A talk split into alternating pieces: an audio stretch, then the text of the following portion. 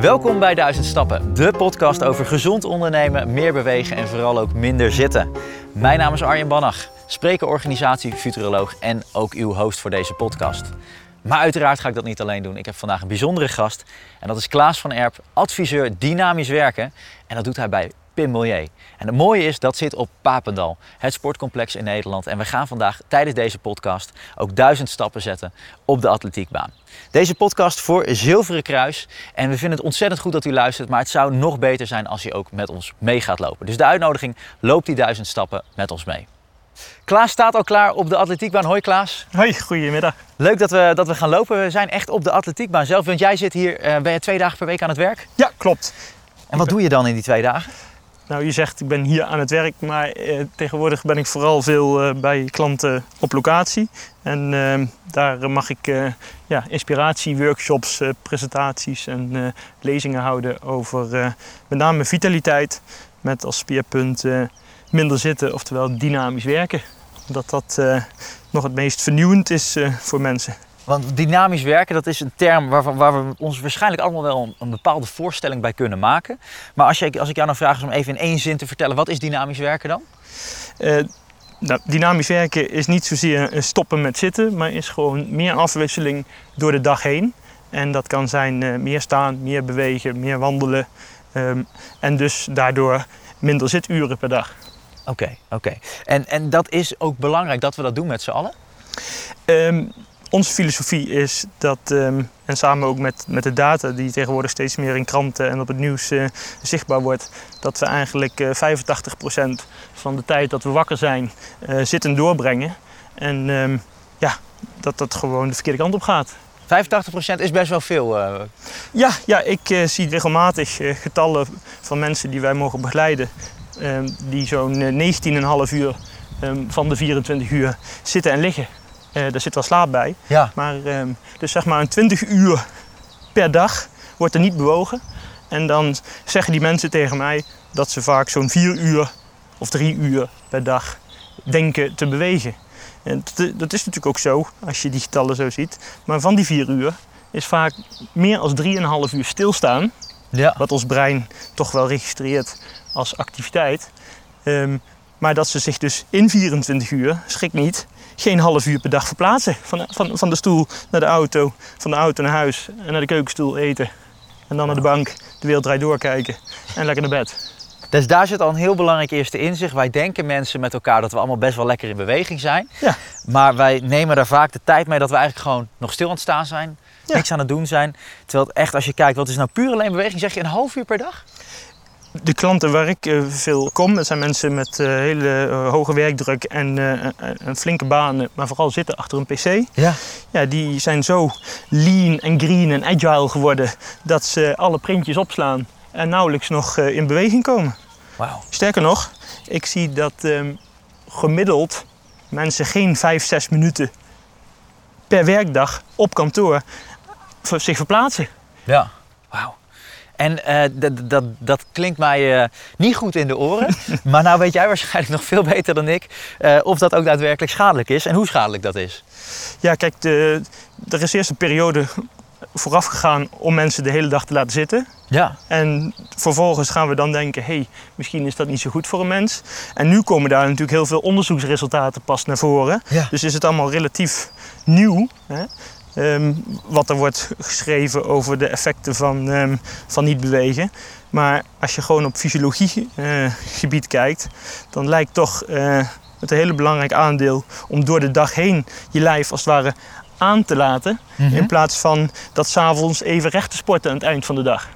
Dat is interessant. Dus je zegt dat eigenlijk het beter is om door de dag heen meer te bewegen, dynamischer te zijn, dan alleen s'avonds even dat uurtje te sporten. Ik ben meestal van de, van de platte voorbeelden. Ja. Maar ik vergelijk het vaak voor groepen waar ik spreek met een riolering. En die mensen vinden het allemaal heel logisch. Dat we zijn nu op Papendal in Arnhem. Ja. Dat hier de rioleringszuivering in Arnhem 24 uur per dag aan het draaien is. Hè? Dus Ja. het wordt gewoon de hele dag wordt dat schoongemaakt. Zodat wij schoon drinkwater hebben. En eh, de, de plasjes kunnen doorspoelen met schoon water. Ja. En dat we niet vanavond om 8 uur hebben besloten. We gaan eens even die, die zuivering keihard laten pompen. Om 8 tot 9 even een uurtje keihard laten pompen. Want dan is de hele watervoorziening weer schoon. En als je deze metafoor zou gebruiken voor je lichaam en voor je lijf, dan lijkt het er toch op dat de data laat zien dat als we de hele dag door ons lijf wat beter in beweging houden, dat dat veel meer, met name op insuline en op cholesterol en op bloeddruksniveau, uh, meer bijdraagt dan aan de randen van de dag even een uurtje rechtsporten, wat eigenlijk niet kan. Kijk, dus ik, en ik vind het een mooi, want in ons lichaam stroomt natuurlijk ook alles. Water, bloed, noem maar op. En, en, en dat moet je dus ook constant op gang houden, want op het moment dat je stilstaat, dan staat dat ook een beetje stil. Ja, nu zeg jij stilstaat. Ja. Uh, dat is weer een ander chapter. Oké. Kijk, um, we hebben ook een tijdje wat uh, chirurgen uh, begeleid met Pimelier. En wat doen de chirurgen als die langer dan 40, 45 minuten gaat opereren? Dan trekt hij steunkousen aan. Dus het is geen oproep om mensen die stilzitten de hele dag te laten stilstaan. Want Ja. dan is het ene probleem veranderen met het andere probleem. Het heet dynamisch werken, dus de kracht is de afwisseling. De afwisseling. Dus als je een half uur hebt gezeten, sta op, haal even een bakje koffie, een, eh, een glaasje water, ehm, ga even staand werken en na een half uur wissel weer af. Ja. Dus elk half uur even van beweging afwisselen lijkt de grootste gezondheidswinst op te leveren. Mooi, maar en, en, en nou eh, kom jij bij heel veel organisaties over de vloer. En kom jij volgens mij ook heel veel situaties tegen waarvan jij denkt van dit gaat niet goed. Ja, Wat, wat zijn de symptomen? Hoe herken je het dat het helemaal misgaat? ja schijnend genoeg zijn er een hoop mensen die zelf niet in de gaten hebben dat het helemaal misgaat. Ja. Hè? Dus we, we, we kijken vooral naar elkaar. Eh, ik denk ook dat het een probleem is dat het relatief nieuw is. Hè, mensen hebben toch graag een voorbeeld van als ik mijn hele leven dit heb gedaan, dan is er een kans dat ik dat krijg. Maar hun, de huidige populatie is, is het eerste voorbeeld voor de. Hè? In de hele geschiedenis van de mensheid hebben we dit gedrag nog nooit gedaan. Wat we de Ja. laatste 10, 15 jaar aan doen zijn Hoe komt dat dan? omdat we na de Tweede Wereldoorlog zijn we ineens eh, het land gaan opbouwen met de handen en voeten. Ja. En vervolgens kwam eh, de mobiele telefoon, computer en iPad. Ja. En nu zijn we 85% van onze tijd aan het stilzitten. En ja, we, we gaan van stoel naar stoel. Als ik een meeting geef, dan komen sommige mensen keurig op tijd en die komen zeven minuten te vroeg. Wat doen ze als ze binnenkomen? Gaan ze zitten? Zitten. Ja. Als ik om vijf over het heel begin, dan hebben ze dus alweer, wat is het, 12 minuten voor, voor voor Jan met de korte achternaam alweer gezeten. Ja. Heb je vier meetings per dag, had je misschien alweer bijna een uur minder hoeven zitten. Ja. Maar we beginnen en eindigen alles met zitten. Dat is interessant. Daar kunnen we zo meteen nog even op, op, op, op eh, gaan kijken als we het hebben over wat kan je nou als organisatie gaan doen om er tegen te gaan. Dan zouden we daar al eventjes op in kunnen zoomen. Hè? Want dit is al een interessant iets. Hoe ga je om met meetings? Ja. Ja, dat is een leuke. Ehm, hoe ervaar je dat nou eigenlijk zelf als, als, als medewerker, als professional op het werk als je te veel zit? Want ik denk dat enerzijds dat zitten is lekker ontspannend, het is relaxed. ehm, en dat, dat, dat dus een hele automatische reactie is. Maar wat ervaar je dan eigenlijk op het moment dat je te veel zit? Want dat is toch eigenlijk, eigenlijk heel ontspannend. Ja, nee, die mensen die, ja, die weten soms niet beter. Dus ze weten niet dat het gevoel wat ze hebben misschien wel komt. Omdat ze langzaam hun lijf de hele dag uitlaten. Ja. Hè? En uit laten staan. Dus ehm, met alle respect, soms, soms weten ze niet beter. En dan zeggen ze ja, dan kom ik thuis en dan ben ik moe en dan heb ik ook geen zin meer om, om te gaan be- bewegen. Hè? Omdat ze dan eigenlijk in een soort visueuze cirkel zitten. Maar als je kijkt naar bijvoorbeeld hoe het brein een beetje is opgebouwd. En eh, ik ben geen neuroloog. Maar als je kijkt naar je oerbrein en naar het nieuwste deel van je brein. Wat in de bedrijfsleven ook al vaak het CEO-brein wordt genoemd. Dan, dan zie je dat het oerbrein graag heel erg korte termijn denkt. Die wil energie sparen. Die wil alles eten wat er tegenkomt. Want je weet niet of er morgen weer voeding is. Ehm, en die is erg op de korte termijn en liever lui dan moe. Ja. En daar hebben we een nieuw deel van het brein over. Wat Ja. ons onderscheidt van eh, de dieren in het dierenrijk. Wat juist CEO-brein wordt genoemd. Waarbij je kunt plannen, remmen op oergedrag, eh, langer vooruit kunt kijken. En dat systeem, wat zich tot zo ongeveer zijn 25e levensjaar eh, blijft doorontwikkelen. Dat systeem, dat ehm, heeft juist heel veel beweging nodig en nieuwe dingen doen. Ja. Dus we krijgen een visueus cirkel dat mensen de hele dag stilzitten. Hun rem, oftewel hun CEO-brein, gaat langzaam uit. Dus hun Mhm. sturing op hun oergedragingen, Ja. omdat ze de hele dag niet bewegen. Vervolgens komen ze thuis, zijn ze de controle over hun eigen brein en lijf dus met alle respect een beetje kwijt. Ja. En dan hebben ze net niet meer die drive om toch die goede v- voornemens om even gezond te gaan eten of even een stukje te gaan bewegen, denken ze nou, het waait, het regent, laten we het nu maar niet doen. Ja. Het heeft dus ook gewoon een stukje te maken met dat oerbrein wat we bij ons dragen. Ja. En de neocortex, dat nieuwe brein, Ja. die moet het een beetje rechtzetten. Interessant. Ondertussen trouwens, dat is wel even interessant om te vermelden, hebben we ons eerste rondje gelopen over de atletiekbaan. Ik vermoed dat Jurend en Martina een iets snellere tijd neerzet dan dat wij dat doen. Maar het lijkt me nu wel leuk om nog even kort in te zoomen op wat moet je nou als organisatie, als werkgever eh, doen om te zorgen dat mensen ook van die stoel afkomen en dus meer dat dynamische werken gaan omarmen. Klopt. Wat is de belangrijkste tip? Nou, wat wij vooral met Pimelier proberen te doen, is ehm, een bepaald leermodelletje, vrij eenvoudig. Als je de kennis niet hebt over een onderwerp en de zelfkennis niet hebt over hoe het met jou gesteld is, dan zul je ook niet snel gaan veranderen. Dus of het nou gaat over voeding, over slaap, over leefstijl of over sedentair gedrag, want daar hebben we het over, en er zitten, dan vinden we het heel belangrijk om niet kort één programmaatje te doen en zeggen, nou, tot ziens. Ja. Maar we beginnen dus met een goed verhaal, kennis overbrengen. Vervolgens geven we de mensen een wearable. Dus ze mogen eh, wat voor een horloge dan ook uitzoeken. Daar gaan ze dus zelf kennis op doen. En dan denken ze, hé, hey, ben ik dit? Want een wearable, dat is, dat is zo'n Fitbit, zo'n... Een Fitbit of een Polar of een Garmin of een Apple Watch. En, en die registreert wat precies? Die gaat, die gaat je eigen data eh, ophalen. Dus je gaat kijken hoeveel zit jij nou per dag, hoeveel sta je nou per dag, hoeveel lig je nou per dag, hoe is je slaap, hoe is je hartslag. En vervolgens ga je dus inzicht krijgen van jouw eigen gedrag. Mhm. En denk je, hé, hey, ben ik dit? Beweeg ik maar 11 minuten in 24 uur? Ik dacht dat het wel twee uur was. Ja. En ver- vervolgens koppel je dus kennis aan zelfkennis. En dan gaan we die mensen mee op sleeptouw nemen. En maandenlang eh, coachen op afstand. We halen ze een keer een dag naar Papendal. En dat duurt dan minimaal zoveel maanden. Ja. Omdat gedragsverandering gewoon heel lastig is. En dan proberen we met tools en met allerlei eh, zaadjes te poten, ook op de afdeling, dat er iets gebeurt. Ja.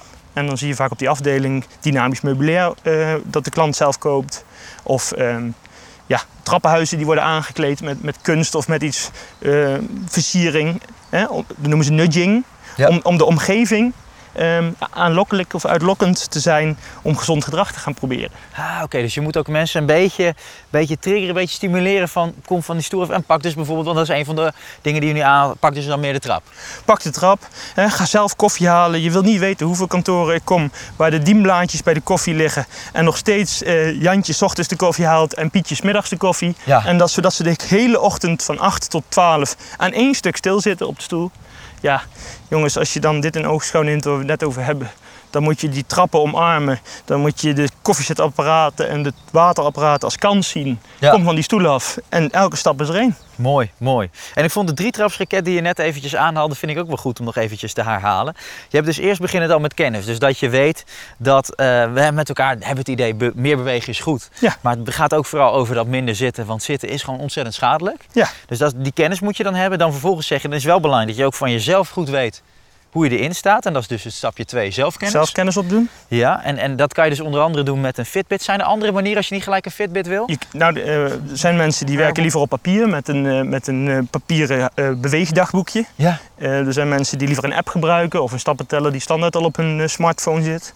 Er zijn allerlei manieren. Maar het gaat om, ken je jezelf wel goed? Omdat vaak het brein iets anders voorspiegelt als dat in werkelijkheid gebeurt. Ja. En eh, mensen schrikken 9 van de 10 keer als ik de data met hun bespreek en ik zeg sorry, maar dit is, dit is echt wat u bent. Ja. Hè? Afgelopen week in ieder geval. En dan, ehm, ja, dan zie je dat 83% van mensen die zo'n wearable gaan omdoen, per direct meer gaan bewegen en gezonder gedrag gaan vertonen. Dat is interessant. Dus eh, op het moment dat je die zelfkennis hebt, dan Ja. weet je in één keer, hé, hey, dit wordt is een soort sport met jezelf. Ja, En vaak scoren we dan graag op 10.000 stappen. Hè?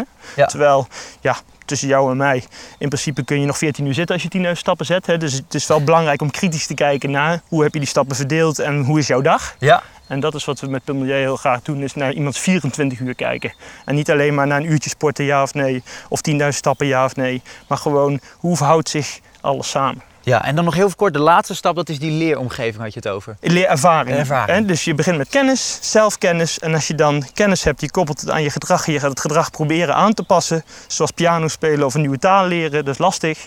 Maar dan ga je kijken, hé, hey, wat doet het met me? Ik voel me anders. Ik ben minder moe als ik thuis kom. Of ik heb inderdaad wel s'avonds nog een rondje omgelopen. Omdat ik zag dat mijn stappenteller eh, vond dat ik nog duizend stappen moest lopen. Ja. En zo, dat krijgen we terug. Mensen raken toch ehm, ja, getriggerd. En ze gaan een andere eh, ervaring opdoen.